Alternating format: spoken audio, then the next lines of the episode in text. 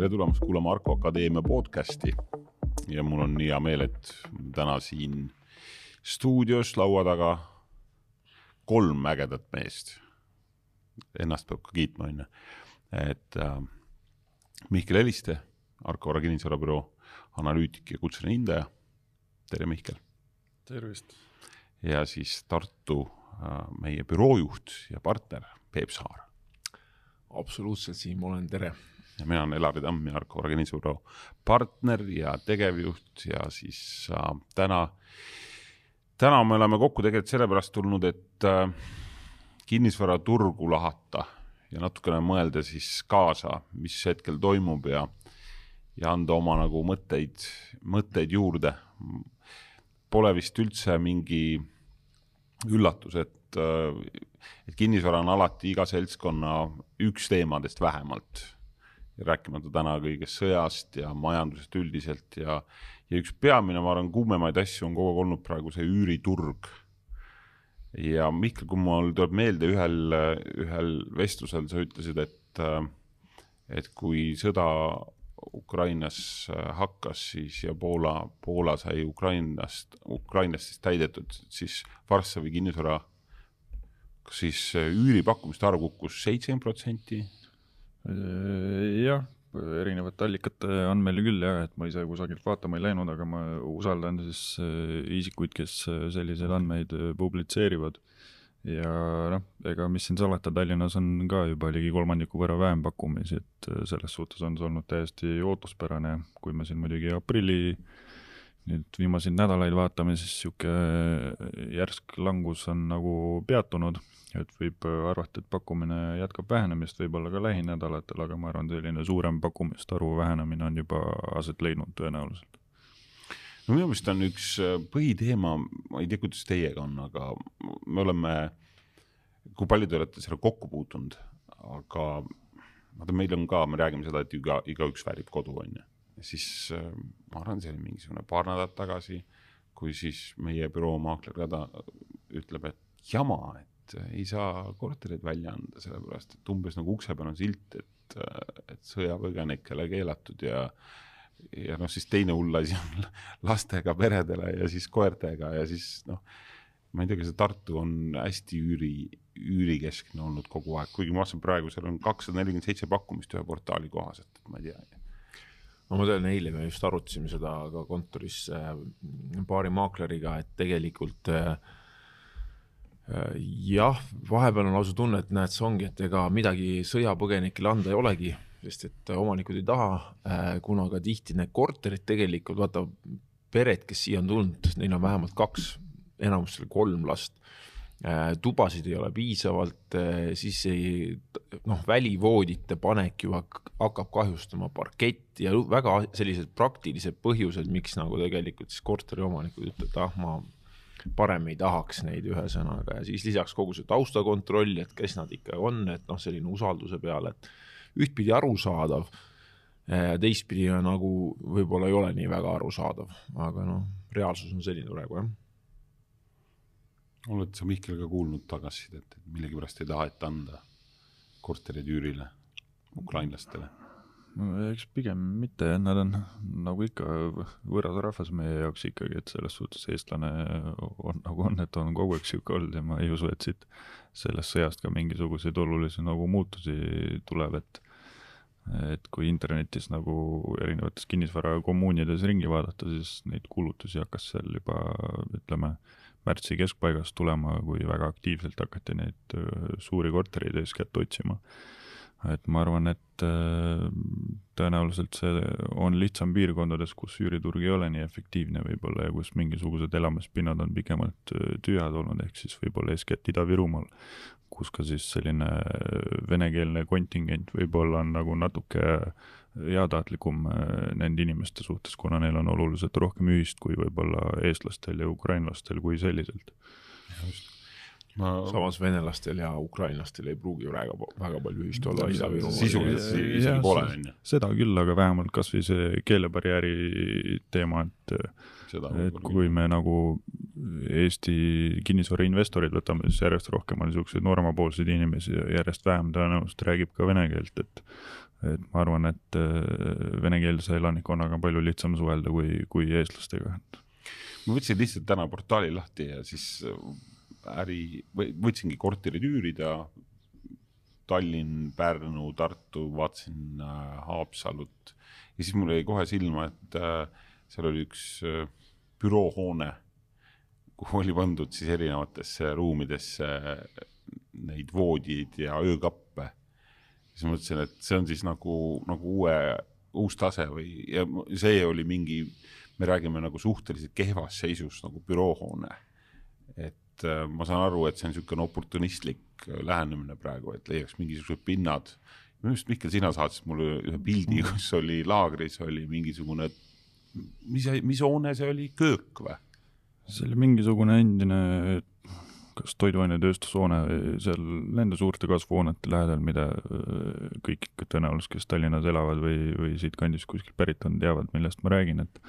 et muidu üle-eestiliselt, kui ma Indamas olen käinud erinevaid tootmisobjekte, siis seda, et ukrainlasi kuskil töötajatena majutatakse, see on nagu juba suhteliselt tavapärane. et see üüri tasumine kui selline seal sageli on lahendatud selliselt, et tööandja siis nii-öelda katab need äh, kulutused ja need töötajad ise justkui ei pea midagi maksma, kuidas või kui palju sealt palgast neil selle osas maha võetakse, et see on juba iseasi, aga aga üldiselt jah, nad magavad seal äh, üksteisega koos mingisuguses suures ruumis, on see tihti endine mingisugune võimla või aula või midagi taolist, et äh, mingisugused koosolekuruumid, mis täna otseselt nagu mingisugust otstarbekat funktsiooni enam ei oma, et need on sageli siis konverteeritud nii-öelda magamistoaks. niisuguseks suurteks. Ma tean, Peep, sina ehitad kodu omale, ehitad maja, sina, Mihkel, flipid muudkui, ostad kinnisvara kokku, et tegelikult ju me oleme praegu päris nagu imelikus olukorras, kus kinnisvara hinnad äh, on kogu aeg tõusnud. Nüüd räägime toorme hindade tõusust, võib-olla isegi mingist defitsiidist. et äh, ma ei tea, mulle nagu tundub, et enamus inimesi mu ümber mõtlevad praegu hoopis nii, et, et ähm, kui on kaks korterit, siis ühe müüks maha, hakkaks hirmsasti säästma. Et äh, mis, mis teie peades toimub praegu, et kas see kuidagi nagu tundub, et tahaks nagu tagurpidi jalutada või, või hoopis teises suunas või? unustasid Elari ennast mainida, et sina remondid muudkui oma maja, nii et äh, mina olnud praegu teema. ma arvan, ma, eks siin inimesed lahendavad erinevat moodi seda asja, aga et äh, teistpidi on jälle paljud arvavad, mis ma praegu müün midagi, sest et mis ma selle rahaga teen, kui raha väärtus langeb nii palju, seda enam, et noh, ja ühesõnaga, et kui ma just näiteks a la Hispaaniasse ostan midagi selle eest, et näed, seal on soe ja sõda on kaugel ja et võib-olla sellist mentaliteeti natuke on, aga. aga mitu sõpra on sulle öelnud, et kuule, ostaks Hispaaniasse hoopis ja laseks siit jalga? minu tutvusringkonnas äh, üks grupp praegu kolis ühe otsapiletiga Hispaaniasse, aga need on sellised noored vallalised no. mehed, nii et ma arvan, nad tulevad varsti sealt tagurpidi tagasi, siis ma ei kujuta ette, mis nad seal teevad ausalt öeldes aga, aga üldiselt äh, paar inimest on öelnud, et jah, võib-olla peaks ostma midagi sinna küll aga keegi pole veel ostnud täpselt nii, ma ei ole nagu näinud, et veel tegudeni oleks väga jõudnud, et et Hispaania turu, turg praegu kuidagi silma ees ei ole, aga aga Mihkel, kuidas see flip imine siis on, on siis praegu hea aeg veel flip ida või, või tegelikult äh, vaikselt tuleb vaadata mujale? Ütleme nii, et need, kes äh, kaks tuhat kakskümmend või eelmise aasta esimeses pooles veel midagi ostsid ja kes siiamaani nende asjadega tegelevad, need on või sees, aga kes nagu täna midagi osta tahab ja, ja eelarvet kokku hakkab lööma, siis tõenäoliselt sa pead kuidagi midagi teistmoodi tegema, et äh, kas sa oled siis ise ehitaja ja see ehitaja kasum jääb nii-öelda sulle ja selle arvelt saad oma marginaali paremaks või siis teed mingisuguse kehvema remondi või, või ostad äh, uue köögimööbli asemel võib-olla mingisuguse kasutatud äh, ja nii edasi, et ma arvan, igas nii-öelda turusituatsioonis on mingisuguseid võimalusi, kuidas on võimalik raha teenida, et kes piisavalt nutikas on, suudab sellega tõenäoliselt alati välja mõelda, aga kes nii-öelda samasuguse ärimudeliga üritab tänases turusituatsioonis hakkama saada, mis veel võib-olla aasta või poolteist tagasi, et ma arvan, on täna oluliselt keerulisem, kuna ehitusmaterjalide hinnatõus on olnud palju kiirem kui kinnisvarade hinnakasv, mis sest, et ka kinnisvarade hinnakasv on siin keskeltläbi kolmkümmend protsenti aasta aega olnud, et et kui me täna ehituspoodi lähme, siis äh, ma arvan, raske on leida asju, mis ei ole kallimaks läinud viimase poole aasta või aasta vältelt. jah, ma saan aru et see flip imine, noh, see mingi hetk oli see lihtsalt ka väga populaarne. ma ei tea, mulle kohati tundub lihtsalt Eestis, kui mingisuguse asi läheb, mingi asi läheb populaarseks, siis lihtsalt kõik tegelevad sellega. ja, ja siis äh, täna lugesin pealkirja oli Äripäevas, et äh,, et kinnisvaraarendaja äh, leidis kullasoone. panid sa tähele seda? ma kuulasin eile ja. seda juhuslikult ah, okay. autoga objektile sõites. ja kullasoon on siis väikeasulad ja ma oma peas lihtsalt kujutasin ette selle, seda, kuidas, kuidas nüüd põhimõtteliselt avatakse portaalid ja, ja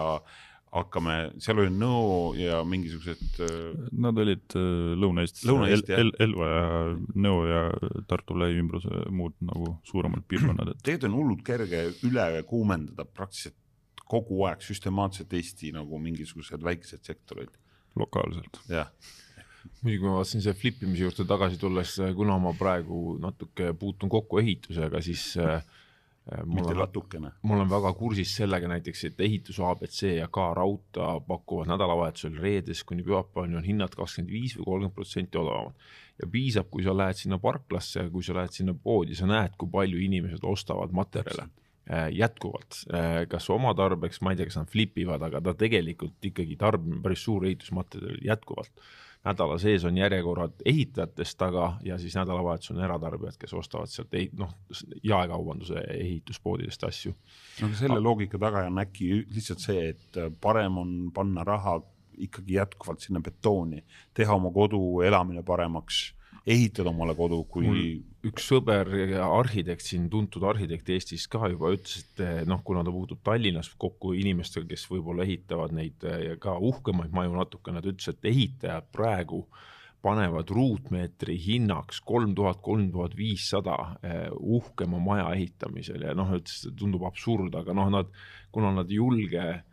võtmed kätte lahendus muu hinnaga enam pakkuda, nad kirjutavad selle koefitsiendi nii suureks, aga noh, siis kas eratarbija maksab selle kinni või mitte, noh, et see teine pool juba varsti me jõuame mingi piirini ka, et sul ehitad kolmesaja rõudust maja, et noh, päris puhas eh-, ehitushind juba jõuab miljoni juurde. et see nagu on. no siis langeb ostujõud lihtsalt. no vot jah, sellega sa ei, müüa ei anna nagu enam arvatavasti jah. ja et selles suhtes, kui me nagu vaat-, lähme eelmise aasta teise poolde tagasi, siis kui me nägime sealt kuskilt suve keskpaigast, et tarbijahindade kasv hakkas üsna järsku nagu igakuiselt ülespoole tulema, jõudes siin aasta lõpuks juba ja aasta alguseks kahekohaliseks, et me nägime samaaegselt ka siis elamispindade turul hinnakasvu kiirenemist. ehk siis kui me nii-öelda ajalugu vaatame, siis üldiselt kinnisvarahinnad kipuvad korreleeruma tarbijahindade kasvuga, ehk siis liiguvad suhteliselt samas tempos või mõnevõrra kiiremini ja me oleme nüüd ka seda hiljaaegu näinud. aga kui me nüüd vaatame selle aasta algust, siin inflatsioon on juba viisteist protsenti, on ju, siis samal ajal me näeme, et elamispindade hinnakasv ei ole enam kiirenenud, vaid me näeme juba piirkondi, kus see on muutunud aeglasemaks. ehk siis see on tõenäoliselt esimene nagu viide sellele, et tarbijaskond ei jõua sammu pidada nende pidevate hinnatõusudega, kui me pakkumishindu vaatame, siis seal käib samas tempos nagu asi edasi, nagu võis oodata. aga kuna tehingute arvu selline laiapõhjaline langus selle aasta esimeses kvartalis juba viitab sellele, et selline elamispinna kättesaadavus on ikkagi üsna järsult äh, halvenenud, mis sest, et äh, meil laenuraha on ajalooliselt odavaimal tasemel. Laenuraha kättesaadavus on väga hea, et siin turul on alates koroonakriisi algusest väga jõuliselt juurde tulnud erinevad krediidiasutused et täna nagu, kes laenu võtta tahab, ma arvan, et äh, on See raskem nagu jah, on raskem nagu paremat aega leida, aga kes kinnisvara osta tahab, et siis nagu pigem on sellega probleem, et et kogu see koroonakriis koos siin nüüd selle Ukraina kriisiga on nagu loonud äh, eeskätt siis pakkumispoolsed probleemid, kus lihtsalt kinnisvara ei suudeta piisavas koguses turule juurde tuua ja see on ka siis põhjus, miks äh, see hinnatõus on niivõrd kiire olnud minu meelest see ongi nagu üks selle, selle domino nagu suuremaid probleeme, uue asja peale tulemise nagu põud. et tegelikult äh, kui, kui me praegu mõtleme sellele, et renoveerime olemasolevat, teeme seda korda, aga teiselt poolt uut peale ei tule, siis tegelikult ühel hetkel peaks jõudma sinna, kus noh, esiteks nõudlus, mis nõudlusega saab, see, ei kao ära ju, aga hin-, hinnad nagu, hinnad pigem tõusevad, nõudlus ei kao ära, mis siis saab ja ehitushind läheb kõrgeks. kostub nagu sihuke teetend natukene. ja eks äh, kui me nagu toormeturgusid ajalooliselt vaatame, siis iga asi, mis nagu eksponentsiaalselt kipub üles minema, kipub sealt mingisuguse viitajaga ka, tulema, ka samas tempos alla okay. tulema ja et tihti ta küll ei lange enam võib-olla samale tasemele, kus ta nii-öelda üles minema hakkas, aga sinna tippu nii-öelda asjad üldiselt ei jää, et et selles suhtes äh, kinnisvaraturul nagu see, mis praegu veel toimunud on võrreldes nii-öelda eelmise buumiga kaks tuhat kuus-seitse, et meil on nagu natuke rahulikum olukord et, et kümme protsenti kuus hinnad ei kasva, võib-olla välja arvatud uued korterid, et kui siin äh, Tallinna uute korterite laojääki vaadata, siis kusagil äh, märtsi lõpust kuni tänaseni on seal pakkumishind keskmiselt juba kümme protsenti kõrgem, et et äh, muidugi turul tervikuna me seda nagu täheldada ei saa. aga uute korterite osas siin ei ole nagu mingisugust küsimustki selles, et äh, asjad kallimaks lähevad, et et olles ise mõned äh, võlaõiguslikud lepingud siin teinud eelmise aasta vältel, siis vähemalt ühe projekti osas mul on juba väga sügav kahtlus, et kas see jõuab lõpuni või? jah, et kas see minu jaoks lõpuni jõuab, et on üsna suur tõenäosus, et võib-olla arendaja ostab mind sealt nii-öelda lepingust tulenevat leppetrahviga välja ja ja see korter tegelikult müüakse kellelegi teisele, et et ma ei paneks seda pahaks muidugi, et olukord täna on nagu on, et et võib-olla ma ise teeks samamoodi, et äh, riske peab paraku juhtima ja sellepärast need lepingud ka tehtud on, et no seal on muidugi oma ta, noh, tagajärg nendel, kes kodusid tahavad osta, et ja kui sa oled planeerinud omale kodu osta, siis taganetakse lepingust. ma arvan, see on natuke lühiajaline pilt ikka nagu siuksest heast ärist. ei, muidugi jah, selles suhtes jah, neid ettevõtteid ma hiljem oma klientidele täpselt, muidugi ei soovitaks, võib-olla ma kirjutaks mõne artikli ka, et minuga niimoodi tehti, aga aga selles suhtes laias laastus see on kõik nagu enesestmõistetav, et see on äri ja ja riskide juhtimiseks need lepingud on tehtud ja õnneks ka nii kaugele päriselt on mõeldud, et kui need lepingud oleks sellised, kus neid sätteid sees ei oleks, siis võib-olla oleks äh, mõne arendaja jaoks veel hullem olukord, et et selles suhtes, et tänane turusituatsioon võib-olla ehitussektori jaoks kulmineeruks sellega, et viib laiapõhjalise tööpuuduse kasvuni, et see nagu ei oleks ka sugugi hea, et et mingisuguse viitajaga see tuleks mingi muu laksuga meile muul moel hoopis tagasi makromajanduslikust keskkonnast, et et ma arvan, et pigem täna nagu asju võtta ratsionaalselt ja kui kellelgi on pael kaelas ja ei tule kuludega nii-öelda toime, siis see on täna nagu suhteliselt arusaadav, et et kui me vaatame ka suuri peatöövõtjaid, kes mingisuguseid avaliku sektori töid siin ellu viivad, et väga paljud on läinud juba raha juurde küsima, kuna nad lihtsalt ei tule toime, et et äh, selles osas nagu on kuulda nii projekte, kus on antud raha juurde, kui ka neid, kus kategooriliselt keeldutakse, et et eks me vaatame, kuidas see ehitussektor sellel aastal nagu laias laastus toime tuleb. -hmm. mulle tundub, et praegu, kui, kui sa ütlesid, mina remondin ja sina ehitad ja sina flipid ja ehk tegelikult äh, üks, äh, üks teema, mis puudutab seda üldse energiade, energia hinna tõusu on pannud minu meelest meid kõiki nagu mõtlema ja otsima, noh, esiteks alternatiive, teiselt poolt nagu äh, kuulda on, et päikesepaneelide teemal on põud, hind on tõusnud, kunagi oli vist, et üks kilovatt äh, oli tuhat euri päikesepaneeli puhul ja siis nüüd on see juba, ma ei tea, poolteist või kaks. kui palju sina, kui sa kasvõi oma kodu ehitades praegu vaatad sellele, et või hakkasid mõtlema sellele, et okei okay,, ma pean hakkama selle elektri ütleme hinna eest, püüan maksta võimalikult vähe või, või otsin mingi alternatiivi või mingit loogikat? mina olen äh,, mulle päike on alati meeldinud, mulle väga meeldib soe ja päikesevalgus, selles mõttes, et soojad maad, on ju? soojad maad mulle väga meeldib, mulle meeldivad päiksepaneelid ka väga ja mulle meeldib kõik asi, mis aitab kulusid kokku tõmmata ja mul äh, kogu aeg ikka mõelnud, kui kunagi maja ehitad, siis pead ehitama nii, et ta peab sooja ikka ka ühesõnaga ja siis ma äh, just, ähm, just isaga käisin oma maja peal, siis ta hoidis pead kinni, ütles küll on ikka keeruline maja, et ehitatakse tänapäeval nii keeruliselt ja tema ütles, et tal hakkab pea valutama, kui ta vaatab neid torusid ja soojustust ja, ja nii edasi. ja ta on kusjuures ehitustaustaga. no saab aru, mida ta räägib. aga et ei, ma just maksin täna hommikul teel siia Tallinnasse elektri liitumise ära endal päikesepatareide jaamal, ühesõnaga, mis katusel on, nii et siis üks samm on jälle edasi tehtud, et eh, ma arvan, see on ainult eh, jah, hinnad on tõusnud, meie Eesti enda nägi noh, väiksemad ja suuremad tegijad on endal laod muidugi ka täis ostnud patareisid enamuses, vähemalt nii palju, kui mina tean et neil on tegelikult praegu pakkuda äh, just äh, ja päris kiiresti pakkuda, saavad panna väikseid, äh, väikseid jaamasid ülesse, noh, ette nähes seda olukorda, ma arvan, see on puhas kindel trend, et kes me, ma arvan, me oleme selline Eestimaa, eest-, eestlane, selline ikkagi, eestlane ikkagi on loodusega kuidagi seotud äh, oma olemuselt ja ma arvan, meid see rohepööre kõnetab ja ma arvan, selline unistus oma väikses majas kuskil metsa sees, kus sul on päikesepatareid, sul on elektriauto maja ees. sõltumatus sõltumatus, sul on oma järv või meri või jõgi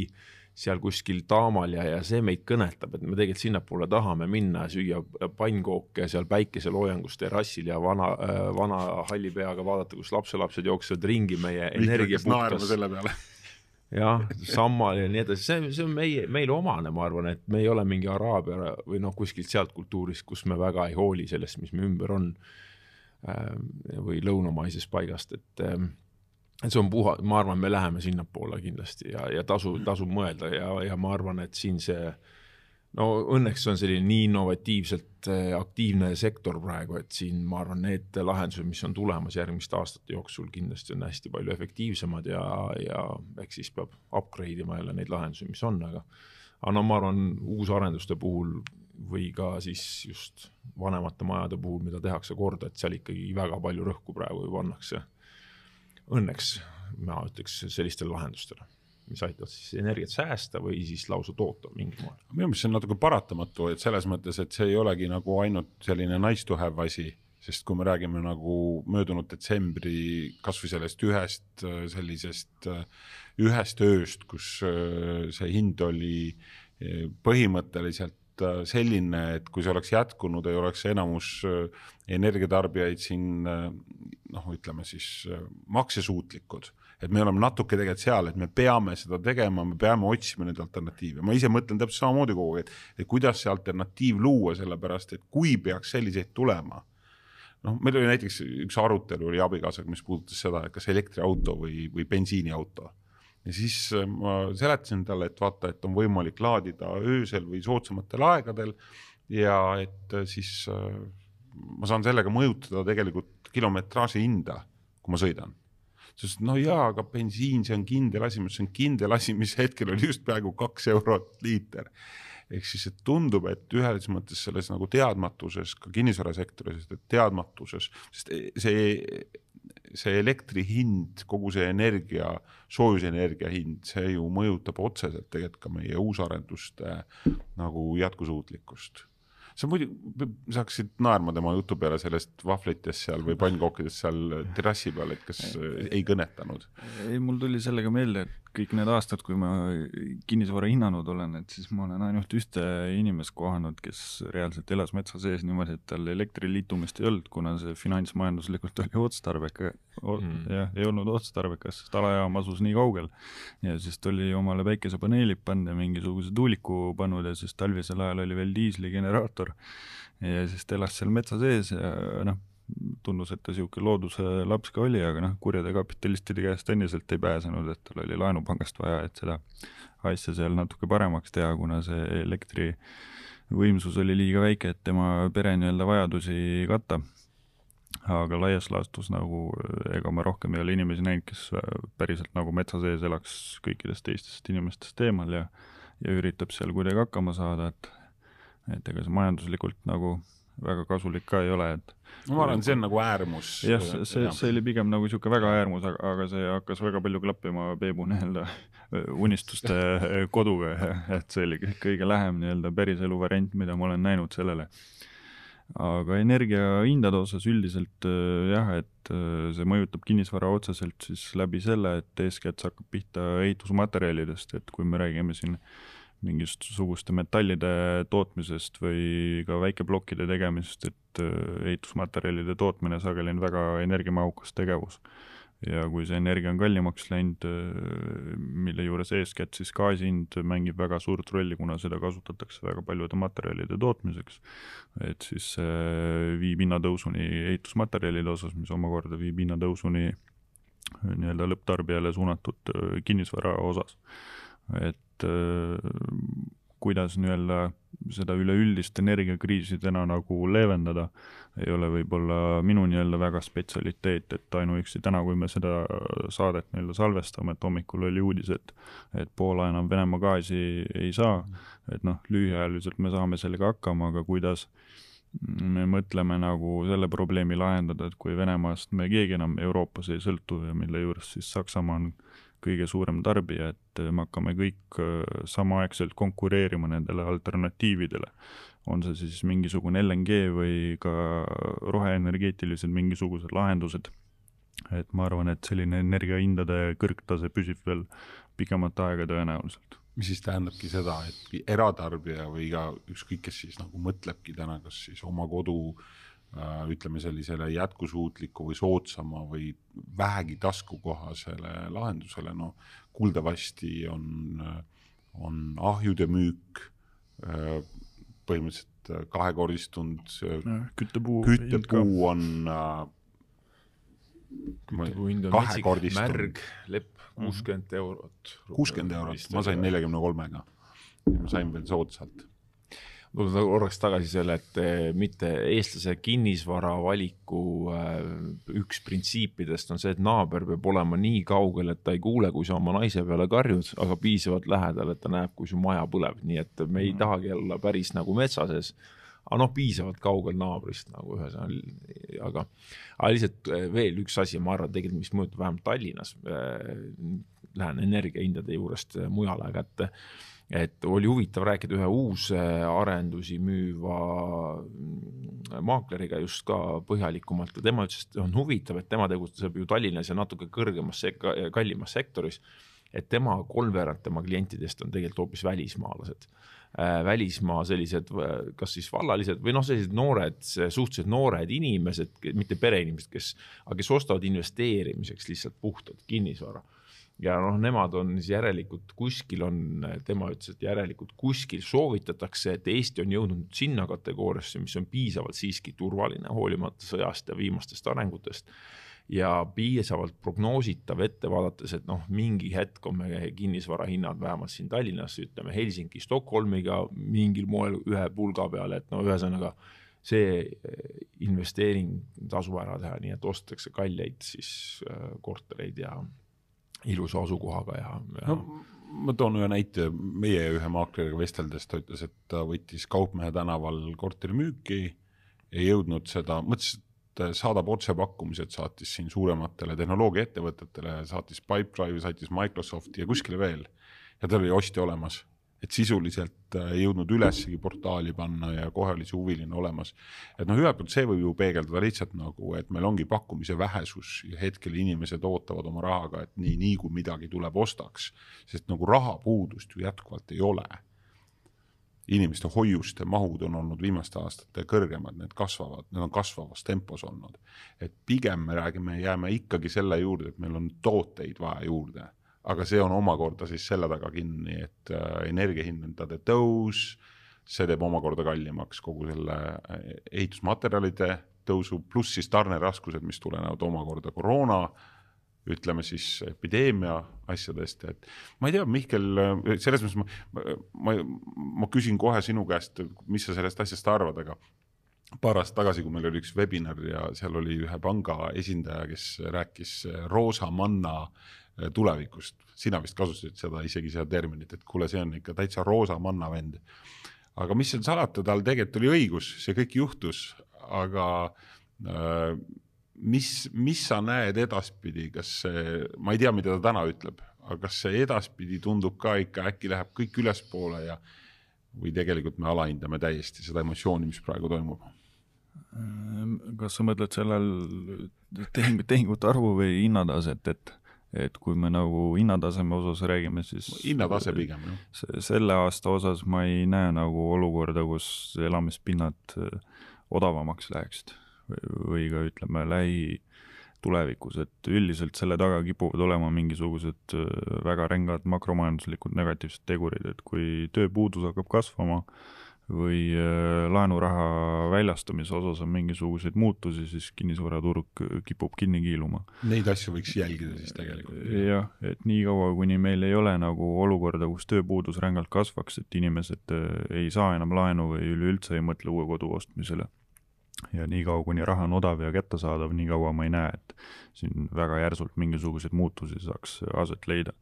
et kui me nüüd vaatame, kuidas Ukraina sõda näiteks on Eesti tööpuuduse määra mõjutanud, siis noh, justkui võib vaadata, et aasta algusest alates on äh, ligi viieprotsendilist nii-öelda kasvu olnud täheldada, et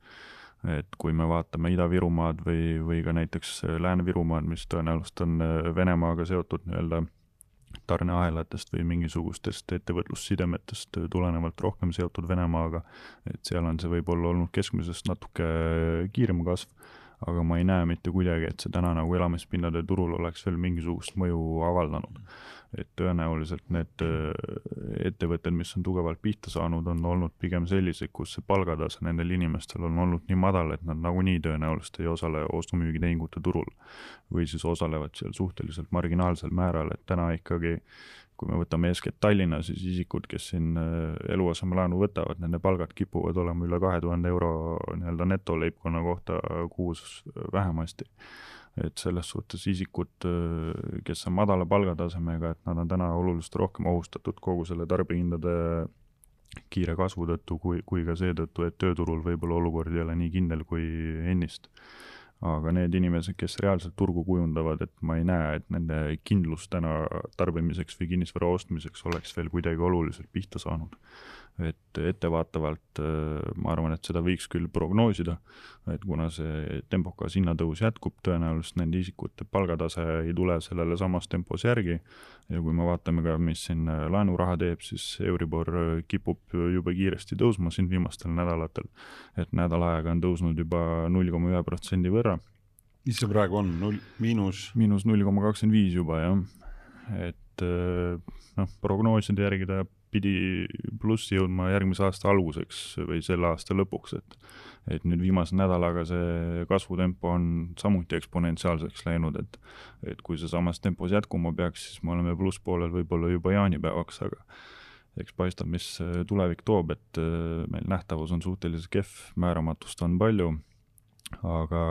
see, et Euribor nii-öelda plusstasemele liigub, ma arvan, see on tänaseks juba suhteliselt Parakult, kindel. et sellega peaks juba isikud, kes on laenu võtnud või soovivad seda võtta, peaks juba hakkama arvestama.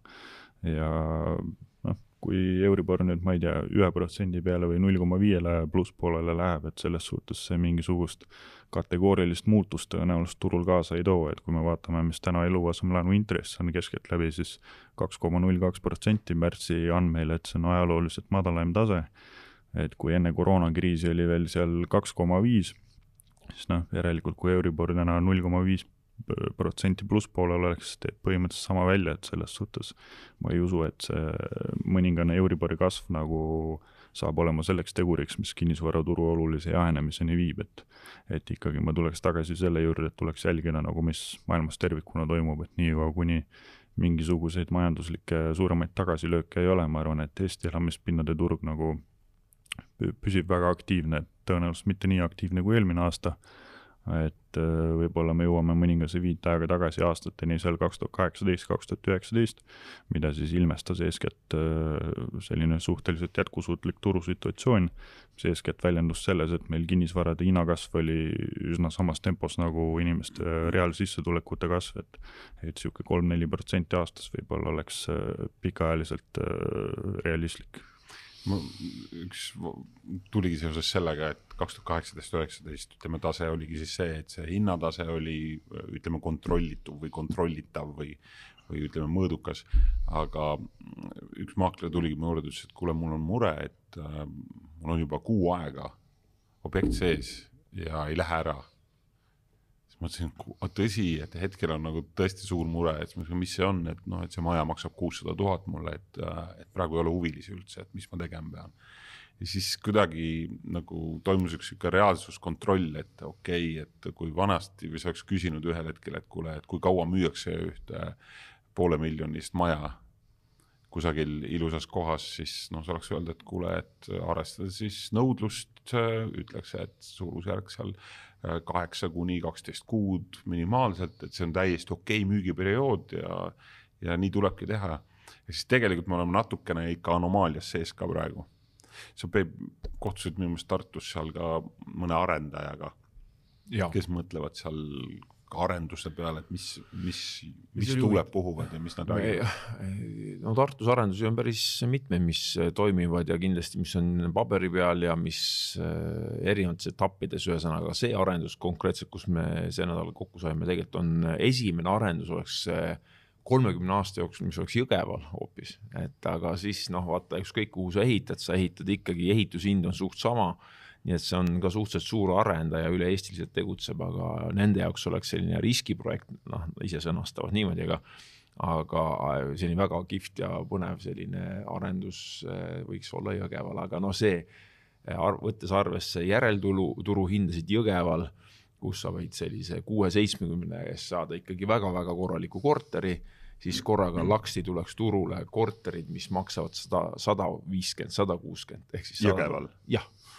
aga no kuna seal pole ühtegi sellist uut arendust olnud, äh, siis ja me oleme näinud seda vähemalt siin Lõuna-Eestis ka juba teistes linnades ja tegelikult üle Eesti, et nii Põlvas, Rakveres on ju, äh, Võrus ja sellistes kohtades on ikka neid uusarendusi juba ju olnud Kiviõli. ma tahtsin just öelda, et äh, Mihkel saatis pildi hiljuti Kiviõli arendusest, aga sa ütlesid, et seal ei saada kätte või maaklerit ei saanud kätte või? Äh, ma ei tea, ma ise helistada ei ah. proovinud, aga koduleht nagu toimib ja okay. seal oli isegi, et osa on broneeritud ja siis ma vaatasin järgi, mis asi see on, see on mingisugune kaheksakümnendatel tõenäoliselt ehitatud vana korterelamu, mida kas siis ei lõpetatud või mis on tühjaks jäänud ja mida hakatakse rekonstrueerima, aga noh, sellegipoolest Kiviõlis nagu sisuliselt uus asi turul, et et ma ei tea. see kostub liiga hea, ma ütleksin. jah, et kui, kui Kiviõlis, kus äh, mediaanhind äkki peast, ma mõtlen niisugune sada eurot võib-olla, et kui seal pakkuda nagu toodet, mis tänase ehitushinna juures isegi rekonstrueerimisel on nagu tõenäoliselt vähemalt tuhat kuussada, et äh, ma ei tea, ju siis seal mõni nagu õlitehase peaspetsialist on nagu ostuvõimeline, et et eks mhm. paistab, kuidas sellistel asjadel läheb, et, et siin Jõgevaga seoses äh, ma olen hetkel hindamas äh, Kehras ühte arendusprojekti. et seal ei ole mitte ühtegi hoonet äh, ka samuti siis taasiseseisvumise ajal tehtud, et nüüd äh, tuleb esimene, kokku tahetakse teha siis kolm maja ja aktiivseid siis äh, ostuhuvisid on äh, müügijuhi poolt registreeritud arvestatavas mahus, et et ma ei näe, et see projekt kuidagi negatiivselt peaks lõppema, et et ka see ehituseelarve, mis seal siiani neil on ja ehitaja on siiamaani platsil ja tööd teeb, et äh, tundub, et asjad nagu sujuvad ja samal arendajal minu teada on ka plaanis äh, Paide piirkonnas äh, lähitulevikus projektiga alustada, et et selles suhtes Eesti väikelinnade osas on väga tervitatav see, et uus ehitus on jälle kasvanud, et elamufond saab natuke uuendust ja noh, kuna avalik sektor uusi elamispindu turule ei too, et ega ei jää muud midagi üle, et erasektor peab see ainuke olema, et et väikelinnade puhul on muidugi see, et seal on väga lihtne nendes finantsprojektsioonides eksida või siis seda nõudlust üle hinnata, et et sa võid teha esimese maja, kus on viisteist korterit, sul läheb suurepäraselt, tõstad hinda, teed teise, läheb ka väga hästi ja siis teed kolmanda ja enam ja ei ole väga kedagi, et lihtsalt asi on selles, et seal ei ole inimesi, kes kes äh, niivõrd äh, võimekad oleksid neid äh, varasid soetama ja see võib väga kiiresti nagu otsa saada, kuna sisseränne sageli on negatiivne, iive on negatiivne, et selliseid demograafilisi tegureid, mis neid väikeseid lokaalseid turge toetaks, et neid justkui ei ole. okei okay,, meie pool tundi on kiiresti läbi saanud, et äh, võib-olla viimane ring, mõned mõtted veel, et me salvestame seda praegusel hetkel, kus ütleme siis kokkuvõtlikult, et kinnisvaraturg on tegelikult ju aktiivne. et laenuraha on hästi kättesaadav ja mulle tundub, et ka motiveeritud ostjaid on päris palju. lihtsalt küsimus on, et motiveeritud müüjaid tuleb ka peale, peab peale tulema ja teine asi just, et, et Mihkli viimane osa sellest, et väikelinnades tegelikult väi-, üksikud projektid tulevad, aga noh, tegelikult kogu suurt pilti vaadata, on see tegelikult ju marginaalne tegelikult maht. Et äh, kui sa täna liigud kasvõi Harku poole, vaatad seal seda Diskreoja arendusi, noh, need on põllud on täis viimase kahe-kolme aastaga. Arendaja on toonud sinna sadu kortereid ja planeerib sinna taha veel paarsada, et tegelikult ikkagi nagu ütleme siis niisuguste väikelinnade arendused, see on nagu tilk merre kogu selle uusarenduste mahu, mahtu arvestades minu meelest tõdemus on see minu jaoks, et alati inimesel on tunne, et nüüd on ikka väga raske olukord, et noh, ehitajal on praegu raske, näed, ukrainlaseid töömehi enam pole, toormehinnad tõusevad, tellijal on raske, näed, hinnad lähevad üles, ehitaja viriseb, müüja, müüjal on äh, raske, näed, müüsin liiga odavalt, ostjal on raske, tal pole midagi osta, maaklil on raske, pole midagi müüa ja nii edasi. aga alati on võimalusi ka, nii et Täpselt, eh, mina nii. lõpetaks sellega enda poolt, et ükskõik, mis praegu kinnisvaraturul toimub äh,, raske võib sul olla küll, aga tegelikult siin on ikkagi päris palju võimalusi ja, ja ja tasub tegutseda ja silmad lahti hoida ja. täpselt nii täpselt nii. jah, ei tänase osas nagu, kui me kinnisvarateenuste äri vaatame, siis ma arvan, et keegi ei saa nagu kurta või kes täna kurdab, siis ma arvan, tuleks putka kinni panna, et kes nagu vahendusega või, või hindamisega tegeleb, et et eeskätt hindamise osas nagu ei suuda seda turgu ära rahuldada, et kes kinnisvara hindajaks tahab saada, siis helistage või joonistage mulle või Elarile või, või Peebule, et äh, läheb igati ühte tarvis ja võib-olla maaklerite vahendusteenuse osas, et tarbijad, kes vahendusteenust kasutavad, et ma võib-olla ei soovitaks neid maaklereid võtta, kes reklaamivad, et nad objekte seal päeva või kahega müüvad, et tõenäoliselt oli vale hinnastamine selle taga, mitte nii. suurepärane müügitöö, et et ma arvan, et tuleks natuke paremini proovida. no ma olen täiesti nõus sinuga. aga härrad, suur tänu selle pooltunni eest ja loodan, et varsti, varsti kohtume jälle. ole sa tänatud